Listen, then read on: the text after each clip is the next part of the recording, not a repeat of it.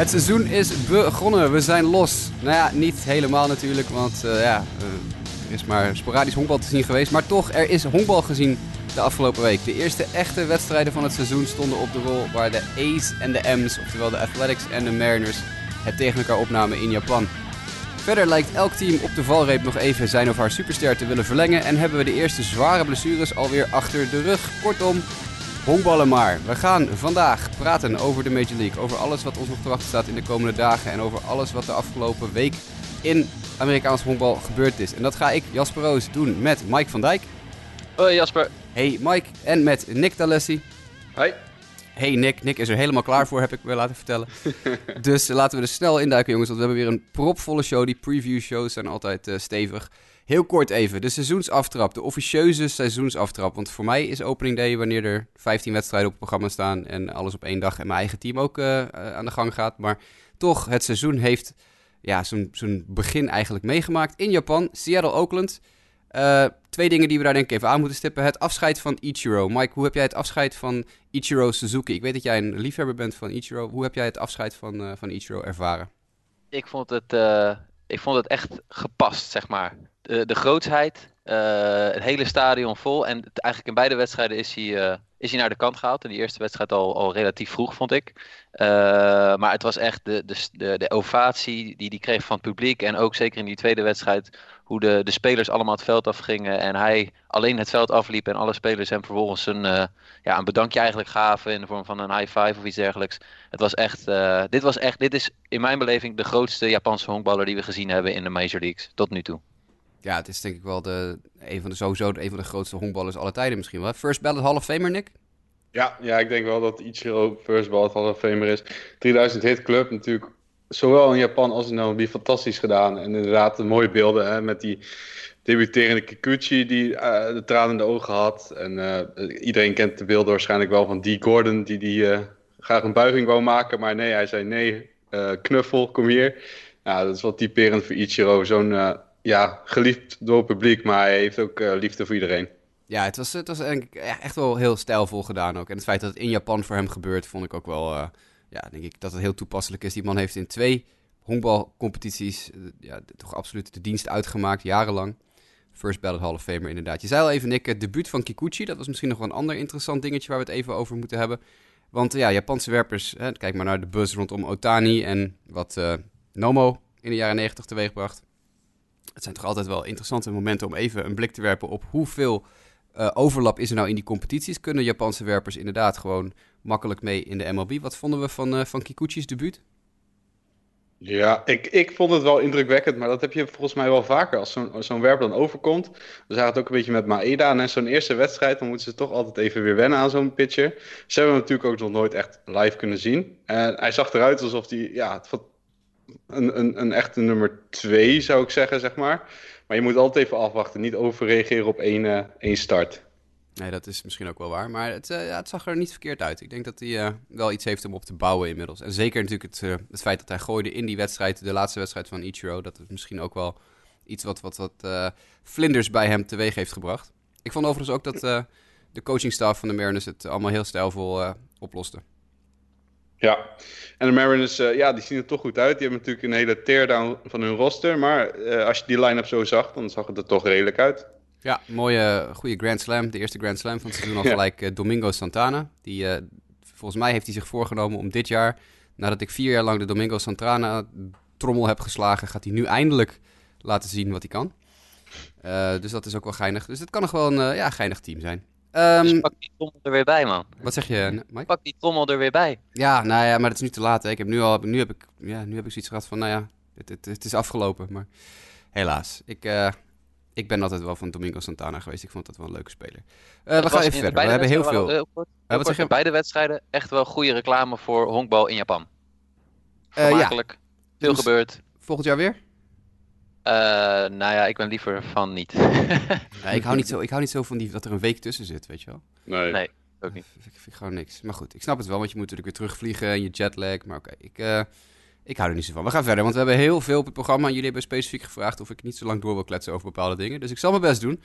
Uh, het contract voor Mike Trout. Het is natuurlijk heel veel in het nieuws geweest de laatste week. tussen onze laatste uitzending en deze in, onder andere ook. Uh, heel veel aandacht aan besteed, zelfs in de, op de Nederlandse televisie. 12 jaar, 430 miljoen. Of eigenlijk moet je zeggen 10 jaar, 360 miljoen. Want ik geloof dat ze de laatste twee jaar van zijn contract, uh, die hij nog uit moest dienen, er gewoon aangeplakt uh, hebben. Mike, Mike Trout, jouw naamgenoot. Jij verdient geen 34 miljoen in 12 jaar, denk ik op dit moment. Maar um, is dit een acceptabele deal? ja, ik vind het wel. Uh, je noemde het zelf eerder in deze week al een generationeel talent mogelijk. Maar wat Mike Trout de afgelopen jaren laat zien is gewoon ongelooflijk goed. En uh, ik, ik kan, zeker als je de deals kijkt van, van Harper en Machado, ja, wat mij betreft is Mike Trout gewoon net wat beter, net completer. Dus ik kan vanuit die contracten dit contract beschouwen als volledig acceptabel. Als je het contract dat ik geloof Harper tekende en Harper's war en zijn productie naast die van Trout legt en je extrapoleert dan uh, Mike Trout's productie op het contract van Harper. Dus als, als je zeg maar met als, als je Trout op dezelfde manier zou betalen als Harper betaald is, zou dit contract 676 miljoen dollar waard moeten zijn geweest. Uh, Nick, is dat iets wat we ooit gaan zien? Ik denk wel ooit, maar niet in de komende vijf jaar. We dachten natuurlijk allemaal al dat er misschien wel iemand door de 500 miljoen heen ging. Ooit, want het, ging maar, het ging jarenlang ging het echt met de free agent market echt, uh, ja, liep de spuigaten uit. Daar hebben ze nu een stop op gezet. En dus Mike Trout, um, ja, die, die kiest dan eieren voor zijn geld. Het is natuurlijk heel veel geld. Maar uh, een aantal jaar geleden hadden we nog in kunnen schatten dat hij wel rond zo'n dag uit zou kunnen komen ooit. Ja. Ik, ik vind persoonlijk een beetje. Mike Trout is echt uh, de allerbeste honkbal die ik ooit live gezien heb. Tenminste, live, tenminste, die ik gewoon uh, dagelijks kan bekijken op tv, omdat ik nog niet zo super lang kijk. En dan is het toch wel een beetje zonde dat hij zijn hele leven bij de Angels gaat spelen. Ja, misschien is het juist wel weer een reden voor de Angels om nu wel eens een keer serieus te gaan bouwen. Dat ze de, de, de, onzekerheid van, ja, we kunnen nu wel heel veel geld investeren in dit team, maar misschien is Trout over twee jaar wel weg. En dan zitten we met al die andere supercontracten. Misschien is juist de wetenschap dat ze de komende twaalf jaar nog over deze speler kunnen beschikken. Juist wel wat extra push om er nu wel eens een keer serieus werk van te maken. Ja, dat, dat, ja, dat zou een mooie uh, uitkomst zijn. Dan zou de hele Angels-organisatie uh, upliften, zomaar gezegd. En dan ja, dan, dan is het natuurlijk nog meer waard zo'n contact. Want Trout is toch een beetje, uh, ja, zo'n speler moet gewoon naar de playoffs. Die moet ik in de World Series staan, vind ik hoor. Dat is toch wel gaaf om hem in oktober aan het werk te zien en kijken wat hij dan doet. En daar hoop ik wel heel erg op bij Trout. Helemaal mee eens. Volgende monsterverlenging, want we hadden een hele lijst. Uh, Alex Bregman, 6 jaar, 100 miljoen. Alex Bregman is 24 jaar, heeft ik geloof 2,5 heel seizoen in de majors erop zitten en tekent nu al 6 jaar, 100 miljoen. Uh, terecht? Op basis van wat hij tot nu toe heeft laten zien, uh, denk ik uh, van wel. En ik denk dat de Astros hier gewoon een, een hele goede deal hebben. Nick, denk jij daar ook, ook zo over? Ja, Alex Bregman is echt een ongelofelijke honkballer. Die, uh, het is geloof ik twee jaar free agency dat ze afgekocht hebben. Ja. Ik, ik denk dat het een koopje is voor de Astros. Ik denk het ook, ja. En Alex Bregman is het altijd, ja, staat mij toch na aan het hart. Want toen hij uh, bij de honkbalweek hier stevig huis liep, te liep te houden in Nederland, toen zei ik al tegen iedereen die het maar kon horen, jeumig wat een honkballer is die Alex Bregman. Dus dat is altijd wel prettig als hij dat ook weer op hoger niveau kan laten zien. Paul Goldschmidt, daar weten we van wat hij kan en wat hij niet kan. Mike, jij bent natuurlijk in, intiem bekend met, uh, met Paul Goldschmidt. Je, je, hebt eventjes een traantje gelaten toen hij vertrok bij de Diamondbacks afgelopen offseason. En nu komt hij ook voorlopig niet meer terug, want hij tekent voor vijf jaar en 130 miljoen bij de Cardinals. Eerste vraag aan je. Niet vind je dit een goede deal, maar vooral denk je dat de Diamondbacks nu heel erg uh, pissed off zijn dat ze dit niet hebben kunnen bieden? Want volgens mij is dit een bedrag wat een team als de Diamondbacks ook wel op moet kunnen hoesten. Klopt, maar op zich hadden ze het uh, door het, geld wat vaststaat aan Granky en Jasmani Thomas, konden ze in ieder geval op dit moment niet uh, ownership overtuigen om dat geld op tafel te leggen.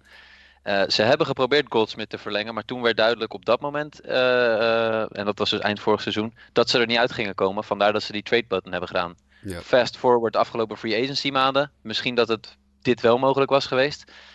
maar goed, dat is wat het is en dat heeft geen zin om daarin te blijven hangen. Nee, nee je weet natuurlijk nooit. achteraf lullen is makkelijk, maar je weet nooit hoe een, hoe een free agency markt zich ontwikkelt. En ja, die is toch wel heel uh, apart, denk ik, verlopen de afgelopen maanden. Maar Goldschmidt is dus de komende vijf jaar in de St. Louis Cardinals. Nick, wat betekent dit voor de Cardinals-organisatie? Ja, uh, Paul Goldschmidt is natuurlijk al een beetje op leeftijd, maar ze kunnen nu echt gaan bouwen rond hem in die half line-up. Ik vind dat ze een hele sterke uh, fundering hebben gelegd. En dan heb je zo'n ervaren jongen, die hou je dan binnen van een jaar gelijk. Die jongen verlengen is toch een signaal naar de hele organisatie.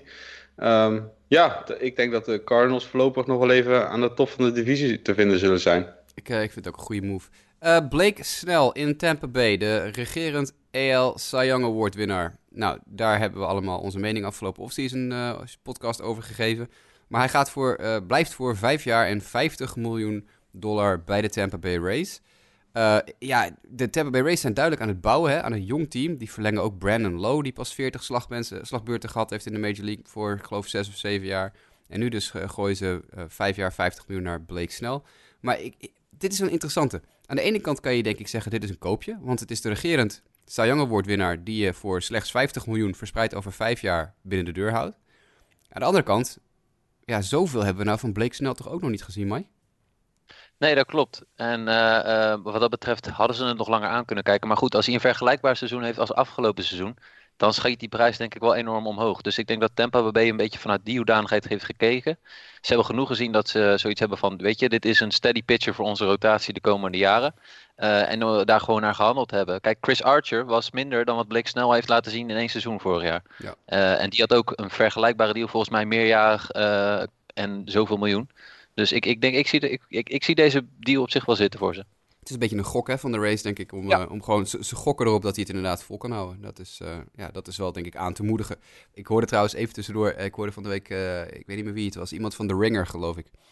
Die heeft voorspeld dat de Tampa Bay Race de AL East gaan winnen dit jaar. Dat vond, ik, dat vond ik wel heel optimistisch. Ja. Why not? Maar Blake Snell natuurlijk, het is ook wel, denk ik, een beetje onder druk gezet door Blake Snell zelf. Want die wilde toen dat, dat niet, die verlenging niet ondertekenen. Ja, die hebben echt, uh, hij heeft de race geforceerd om hem dan te verlengen. Want hij was het niet helemaal eens met zo'n minimumverhoging. Ja, hij zei, ja, kijk naar Mookie Betts, die kreeg een miljoen. Kijk naar Carlos Correa, die kreeg volgens mij ook bijna een miljoen.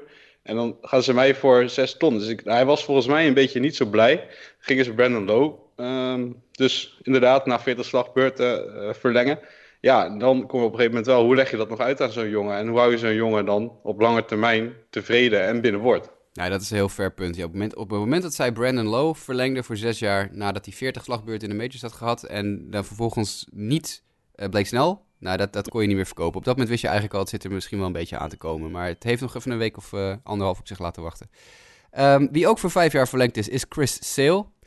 Uh, vijf jaar 145 miljoen. Nou ja, dat is. Ja, Sale die kwam natuurlijk van een uh, wat goedkoper contract. Hè, want die had nog ten tijde uit zijn, uh, zijn White Sox tijd een heel clubvriendelijke deal getekend. Nu is hij iets minder clubvriendelijk. Vijf jaar 150, 145 miljoen is een stevige bak geld. Maar ja, het blijft wel Chris Sale. Maken wij ons zorgen over deze deal, Mike? Ja, uh, nou laat, ik hem ook over aan jou stellen. Kijk, ik vind Chris Sale een geweldige pitcher. Echt een uh, uh, vergelijkbaar in mijn beleving een beetje met Randy Johnson. Daar doet hij mij een beetje aan denken. maar heeft wel af en toe toch ook wel de momentjes dat je denkt van ja... op, op bepaalde momenten staat hij er niet. Maar het is, ja, ik, ik, ik heb een beetje mijn twijfels of dit helemaal goed uit gaat pakken. Maar goed, de laatste vier, eigenlijk de laatste zes jaar zat hij in de top zes van Cy Young Award foto's. Dat zegt eigenlijk ook genoeg, toch? Ja, het enige waar sommige mensen zich zorgen over maken is uh, uh, zijn, zijn gezondheid. Hè? Hij heeft natuurlijk een ja, klein dus... gehad afgelopen seizoen. Maar ja, voor de rest, hij is al zo lang zo fit. ik, ik ben er niet zo bang voor. Ik, er wordt al vanaf de draft geroepen, Sale zijn arm gaat eraf vallen. Nou, dat is nu inmiddels acht jaar geleden en zijn arm is er nog steeds niet afgevallen. Dus ik weet niet. ik weet niet, ik vind het heel slim. Moet de Red Sox gewoon doen. Dit is je, dit is je sleutel in de rotation voor succes. Moet je gewoon houden. En ze hebben het geld, dus... Ja, ja precies, geld zat. Datzelfde geldt overigens voor de Astros, die ook een enorme bak geld naar hun superster werper hebben gegooid. Want de inmiddels toch al nou, bijna bejaarde Justin Verlander uh, tekent voor twee jaar en 66 miljoen dollar, oftewel 33 miljoen per seizoen bij. Dat is een record. Um, maar ik denk dat ook weer hiervoor geldt dat de Astros ja, gewoon heel slim zijn. Die willen dit seizoen nog één keer vol ervoor gaan. Of misschien nog wel twee keer. Maar in ieder geval, dit seizoen is weer een, een ja, dit is hun window. En het laatste wat ze willen, denk ik, is dat Justin Verlander met zijn hoofd veel te veel bij een eventuele contractverlenging is, uh, Mike. Ja, en uh, laten we wel wezen, Justin Verlander is gewoon een ontzettend goede pitcher. En als zij hem de komende twee jaar hebben, dan weten ze zeker dat ze daar niet uh, productie van krijgen van een, een, nummer 4 of een nummer 5, maar gewoon vanuit een 1-2. dus ik, ik vind dit een goede deal. Ik ook. Nick, jij ook? prijs ja, ownership. Lekker kort ook hè, voor zo'n uh, bejaarde pitcher, zoals Jasper zegt. Dus dat, uh, ja, daar zit, dat zit niet zo heel veel risico aan voor die uh, organisaties. Nee, dat, ik ben met jullie eens. Dit is, dit is een speler, dit is de, een van de beste in de league. En die wil je gewoon houden. Tot hij inderdaad aantoont dat hij het niet meer kan. één, één, één, twee toevoegingen. Afgelopen seizoen zette hij zijn record qua strikeouts in één seizoen met 290. Ja. Dus is er een is decline toch op dit geen, moment? nee, er is toch geen discussie over mogelijk, jongens. Justin Verlander is een, eh, een beest. Volgens eh, Trevor Bauer komt het meer door de Astros manier Ja. van... eh, Ik Ja. denk dat we die naam nog meer gaan horen deze Ik podcast. ben er ook bang voor, ja, inderdaad. Trevor Bauer die zorgt altijd voor voldoende stof tot babbelen. Eh, laatste contractverlenging was ook een heel opvallende. Dat was die van Eloy Jimenez. Die van de Chicago White Sox 6 jaar en 43 miljoen dollar kreeg. Twee clubopties werden er nog aan vastgeplakt. Dus dat contract kan, ik geloof, 8 jaar en 72 miljoen waard worden. Als allebei de clubopties gelicht worden. Eh, opvallend hieraan is natuurlijk dat Eloy Jimenez de derde speler in de geschiedenis is geworden nu. Die een, multi-year verlenging heeft getekend zonder ooit een bal in de Major Leagues te hebben gegooid of geslagen. De twee voorgangers waren eh, Scott Kingery van de Phillies, die dat vorig jaar eh, in het offseason deed.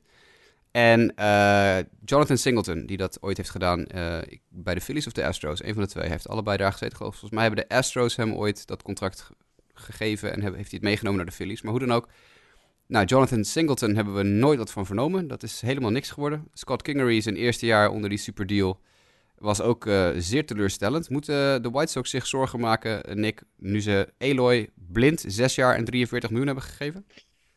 Nou ja, wat is blind? Ze hebben hem natuurlijk al. Ze zien hem natuurlijk elke dag aan het werk en, ze zullen weten waar ze mee bezig zijn. Dit is. eh, ja, ze spreiden het risico met de speler. Gaat hij uitbreken, dan is hij veel duurder. Zie Mookie Betts, 20, 20 miljoen in één jaar. Maar dan moet het echt wel MVP-caliber play zijn. Maar je, je, koopt in principe alles af. Hè? Je, je hebt geen gezeur met eh, minimale verlengingen. Dat zo'n jongen niet blij is. Je hebt geen arbitration meer. Eh 43 miljoen is een, waarschijnlijk gewoon op een, op een algoritme berekend risico afzetten tegen prestaties. Ja, en dan krijg je dit. Ik, ik denk dat het wel verstandig is van de White Sox. Eh, Mike, eh, ik weet niet, denk jij dat we de naam Eloy Jimenez deze podcast nog een keer gaan horen? Ja. Oké. Minimaal drie keer. Oh, oké. Oké, drie keer zelfs nog. ik Eh, schrijf mee. Ja, nee, inderdaad. Nou ja, goed, ja, ik bedoel, ja, dit, het lijkt me, lijkt me helder waarom dit gedaan is. Eloy is een, eh, een potentiële superster en ja, je moet die gok soms nemen. Dit is ook weer een gok die de White Sox kunnen nemen. Ze hebben heel veel geld eh, op dit moment beschikbaar.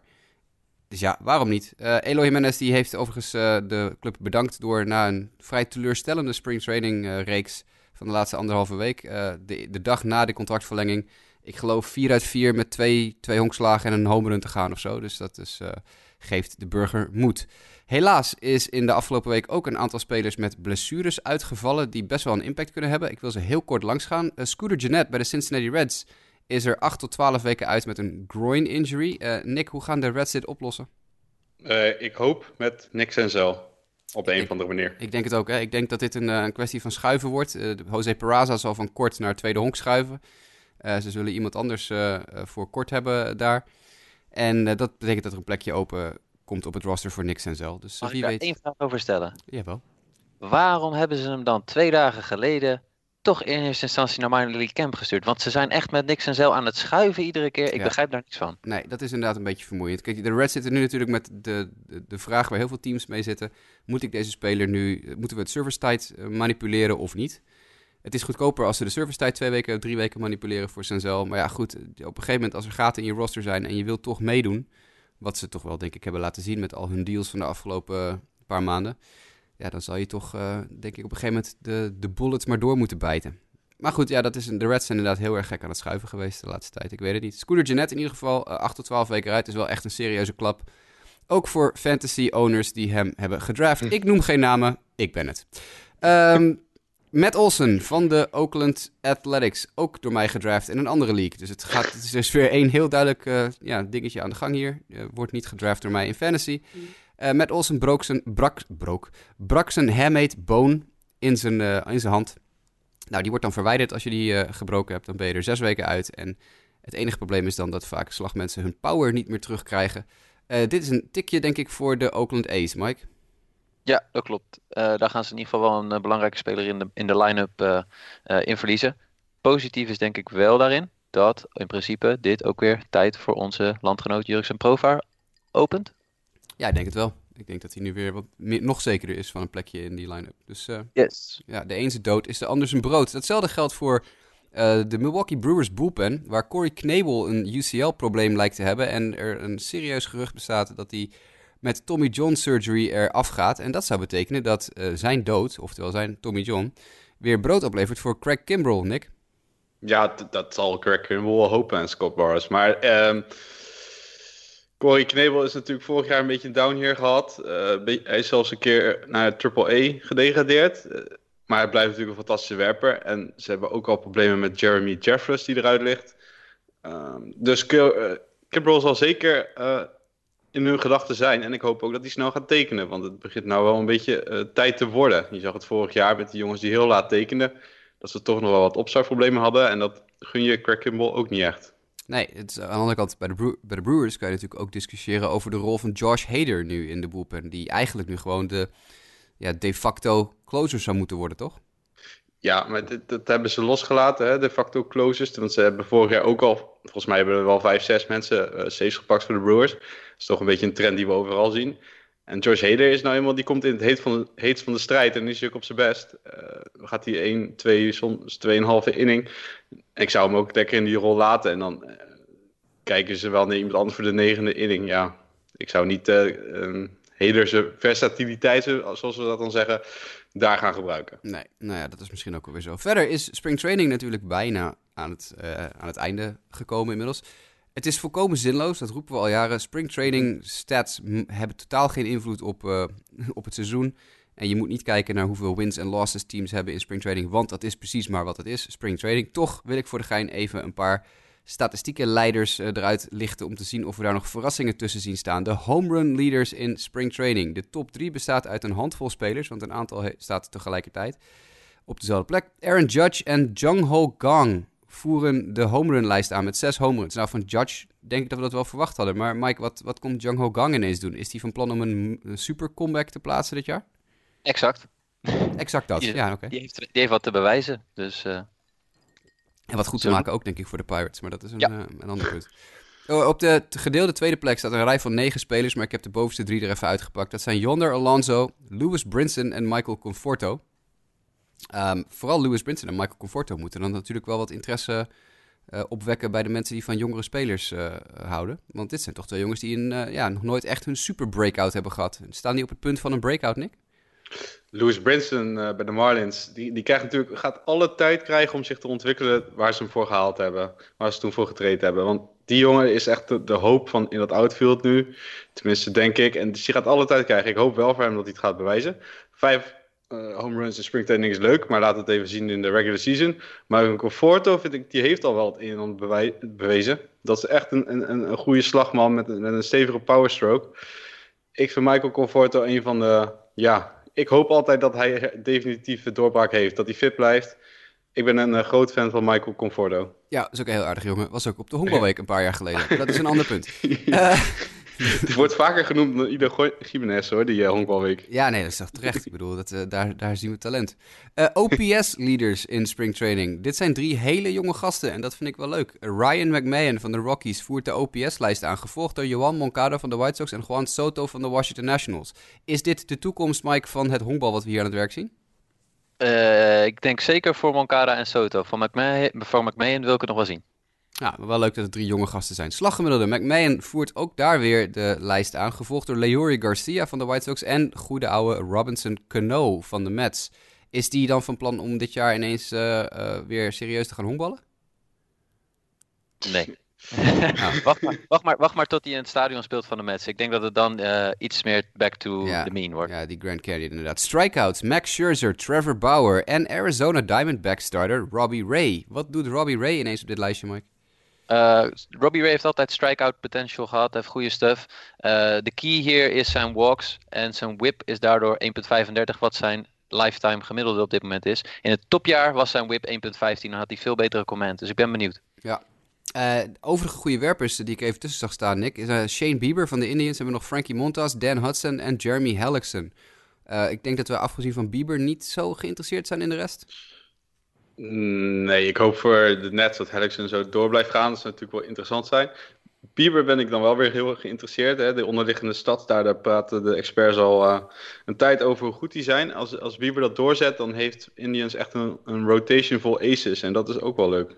Ja, dat lijkt me ook wel interessant. We gaan verder en dan gaan we nu naar onze American League preview. Want ja, nog, ik zei het al in het begin, er is heel veel te bespreken. En als we nog een hele American League moeten gaan previewen, get ready. We beginnen met de American League West. En dan beginnen we bovenaan met de Houston Astros. Vorig jaar 103 wins, maar liefst afgeleverd. En daarmee natuurlijk ook de divisie gewonnen. Ehm, ik begin uh, bij jou weer, Nick. Wat is jouw visie op de Houston Astros van dit jaar? Gaan zij een repeat kunnen doen van de divisietitel? Ja, dat denk ik wel. De andere teams die in deze divisie zitten zijn toch net een stapje minder, vind ik. Ze zijn niet beter geworden, denk ik, dit jaar. Ze hebben, ja, JV hebben het even gehad, verlengd. Ze hebben dan nog steeds Cole. Daarachter vind ik het een beetje zwakjes in de rotatie. Ja, Colin McHugh, Wade Miley, Brad Peacock staan geloof ik uh, 2, 3, uh, 3, 4 en 5. Ja, dan zou ik toch liever Forrest Whitley gelijk zien. Maar dat zullen ze ook wel eventjes mee wachten, een paar weken. Ja, dopingschorsing vorig jaar, hè? die heeft nog even wat te bewijzen, denk ik. ja, het is wel een groot talent. Eh, en de rest van die rotatie doet mij al niet, niet zo heel veel. Ik hoop wel dat, ja, is ook een beetje oud aan het worden, hè, die rotatie, als ik zo kijk. Um, ja, dan hebben ze Michael Brandy erbij gehaald. Uh, voor de rest, ik, vind het... Ja, die top van die, uh, van die line-up is, is fantastisch natuurlijk. Springer, Bregman, Altuve, Correa. En daarna, ja... Ik word daar niet heel enthousiast van nog bij de Astros. Maar uh, ze houden een voorsprong op de rest wel, hoor, vind ik. Ja, de DH die ze kwijt zijn, Evan Gaddis, is nu Tyler White komend jaar. Ik denk dat dat ook wel een nou ja, goed, een, een, minstens net zulke productie kan opleveren.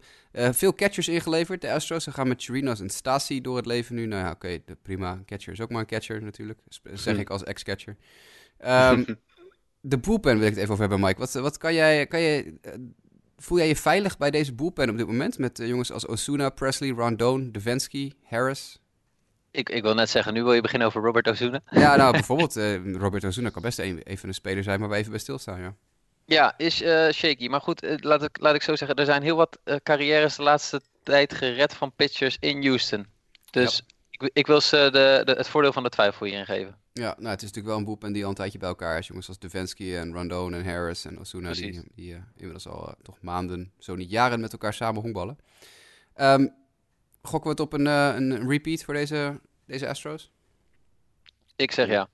Ja, daar gaan we wel vanuit. Uh, we hopen dat ze de jonge jongens laten doorstromen. Ik, ik, ik meen me nog te herinneren, Kyle Tucker hebben ze een aantal keer opgeroepen vorig jaar. Ja. Misschien dat die dan gaat doorbreken.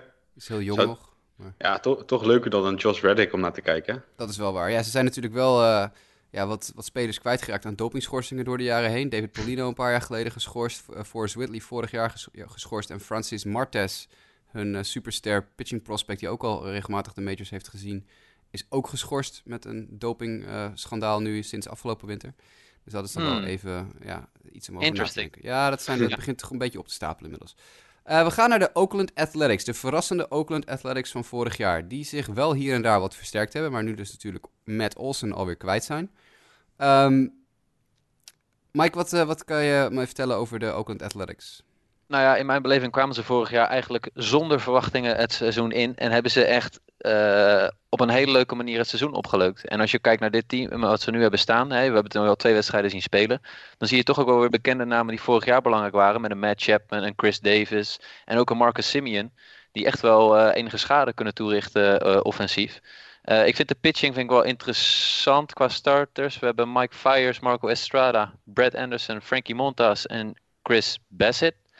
Um, dat is niet zeg maar het niveau Justin Verlander en Garrett Cole. Maar denk je dat nee. uh, Jesus Luzardo uh, op een gegeven moment opgeroepen gaat worden voor Bassett? Want Luzardo was natuurlijk voorafgaand aan het seizoen al een beetje ja, de, de gedoodverfde vijfde starter. Super prospect uh, Luzardo. Maar ik geloof dat ze hem inmiddels weer in de minors laten starten. Ja, nou ja, dat gaat ongetwijfeld op een gegeven moment gebeuren. maar ik vind, ik, ik vind het moeilijk. Ik vind het team gewoon net zoals vorig jaar moeilijk in te schatten. Ja, Jurksen Profar nu natuurlijk op, op het tweede honk, Nick. Is dat een goede toevoeging voor dit team en voor, voor Profar zelf? Ja, ik denk het wel. Zeker nu er natuurlijk een gaatjes vrijgekomen met Olsen die eruit ligt. Ja. Uh, zijn er kansen genoeg. Ik vind Chad Pinder uh, ook een interessante speler. Die staat toch, als je de statcast, uh, van niet, de fanatieke statcastelingen moet gaan volgen, hoog op de lijstjes. Die, is, die, is wel, die wordt vergeleken met een Josh Donaldson. Op latere leeftijd ineens ja. doorbreken. het is natuurlijk zonde dat ze Sean Manaya zijn ze kwijt. Um, Luzardo, waar jij het over had, is ook geblesseerd. Ja, dat is jammer. Maar uh, ze zullen zeker nog even blijven meedoen. Ik hoop voor Chris Davis uh, dat hij een mooi laatste jaar heeft. Volgens mij is hij hierna free agent. Zeg ik zo even uit mijn hoofd.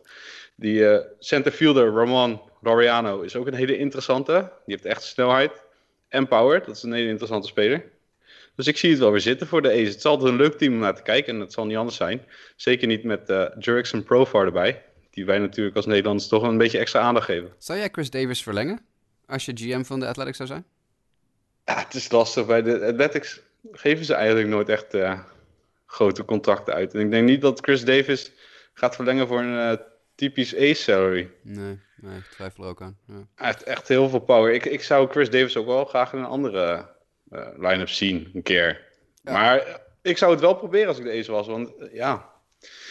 Weinig sterren. toch altijd lastig om van buitenaf uh, aan te trekken. En dan, ja. In de sterren die je dan hebt, als, je, als het lukt met een discountje hier uh, of daar, zou ik toch voor gaan. Interessant vond ik dat uh, Franklin Barreto, wat het, ja, een super prospect was, die vanuit Toronto naar Oakland werd gestuurd in de Josh Donaldson trade ooit, eigenlijk nu een beetje op het tweede plan terechtkomt. Hè? Want Sammy en, en Profar zijn de, de nieuwe middle infielders. En dat betekent echt dat Barreto geen plek heeft. Terwijl je toch zou zeggen, ja, waarom is dit niet het jaar dat Franklin Barreto je nieuwe tweede honkman is? Maar blijkbaar schatten ze Profar hoger in.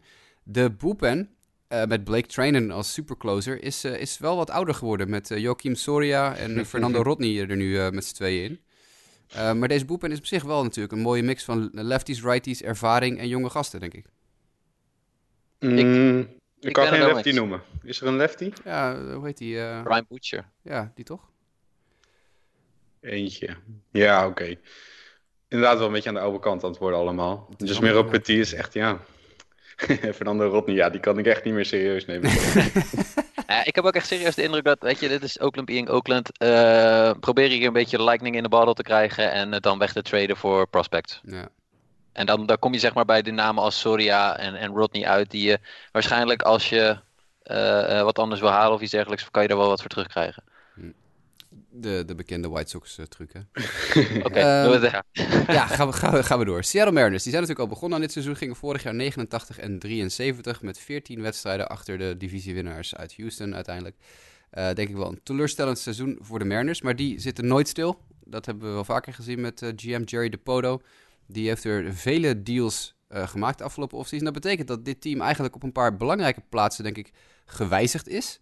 Uh, catcher, left field, center field, korte stop en derde honk hebben nu andere invullingen. En Mike, misschien kan jij hier wat meer uh, de verklaringen over geven, of wat meer duidelijkheid in scheppen. Op de depth chart van de Mariners staat Tim, Tim Beckham zowel als bovenaan op korte stop als op het derde honk. Uh, ja, nou ja, in de zin van Ryan Healy speelde geloof ik in de wedstrijden in Japan derde honk. Ja, die staat in de depth chart op het eerste honk. Ja, en daar zien we dan toch ook wel eens nog wel eens de naam Jay Bruce of Edwin Encarnacion verschijnen. Ja, Edwin Encarnacion staat op de DH-positie bovenaan. Dus, je hebt, dus je hebt mogelijkheden. Dus ja, dit is wel duidelijk, maar het is wel grappig dat Tim Beckham zo, volgens de depth chart zowel de start in de korte stop als de start in de derde honkman is in uh, Seattle. Dat lijkt me toch wat ingewikkeld. Uh, dat Ik weet geeft... niet waar ze daarmee bezig zijn. Misschien proberen ze hem te ja, te, du dual positionen of zo. Ja, precies.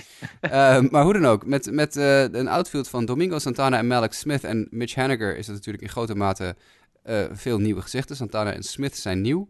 Die Gordon dus weer terug naar het tweede honk, waar nu een plekje is omdat Robbie Cano natuurlijk weg is. En dan ja, de hele rij aan eerder genoemde spelers die het eerste honk kunnen bezetten. En eventueel ook een derde honk. Ryan Healy, Dan Vogelbach, Edwin Encarnacion, Jay Bruce. Um, ik weet niet zo goed wat ik van de Mariners moet vinden. Uh, Nick, jij, heb jij een betere visie op dit team? Nee, het is zelf ook een beetje natuurlijk... Ja, Jerry Potter zal wel een, een, visie hebben. Maar de enige die voor 2016 op dit roster stond, is Felix Hernandez. En de rest is allemaal nieuw. Dus ja, ja um, nou, Kikuchi was een hele interessante natuurlijk. We gaan hopen dat hij het leuk doet. Maar het is inderdaad een heel team wat heel, bij, nieuw bij elkaar is. Um, ik dacht dat ze Encarnacion eigenlijk gelijk weer door zouden treden naar een ander team. Maar dat is of niet gelukt of niet het plan. Zoals jullie, zoals jullie al aangaven, hebben ze ook een eerste honkman een DH nodig. Dus ja, misschien moet je ook wel. Um, ja, ze maakten op zich best indruk in Japan. Het, was geen, het is geen slecht team. Maar het is een beetje lastig inschatten wat ze nou gaan doen. Hm. Dit jaar. Ja, ik, ik, ik, ik, twijfel ook een beetje. En het, het gedonder met Felix Hernandez, die een beetje boos was dat hij niet op opening day mocht starten, maar dat, dat uh, die eer naar Marco Gonzalez zou gaan. Daar, daar was, dat was ook natuurlijk wat, wat gedoe mee. Eh, Marco Gonzalez, eh, ding ding ding, honkbalweek-veteraan. Daar zijn we weer. Eh, heeft volgens mij nog steeds het eh, all-time strikeout record voor een honkbalweekwerper in handen. Maar goed, dat is een ander verhaal.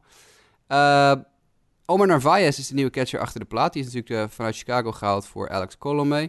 En dat brengt ons bij Colomé en dat brengt ons gelijk bij de bullpen. En die heeft wel even een jasje uitgedaan. Want ik, ik maak me hier zorgen over. Jij bent Ja. intiem bekend met Hunter Strickland, eh, Nick. Dat is de ja, de facto closer in Seattle. Ja, Ik- en Corey Guerin erachter, ja, Ja. de setup man. Ja, Ook van, ook van San Francisco. Nou is Hunter Strickland een hartstikke eh, leuke pitcher. Hij gooit een, een, een aardige slider met een, met een goede fastball. En hij kan hem nog plaatsen ook. Maar we hebben gezien dat hij niet helemaal goed bij zijn hoofd is. En, en dat is wel een probleem. Want je moet toch een closer hebben die niet eh, om de drie keer dat hij afgaat. Want hij gaat wel eens een aantal keer af hoor in een jaar. Want hij heeft af en toe echt een breakdown. Dat wil je niet weten.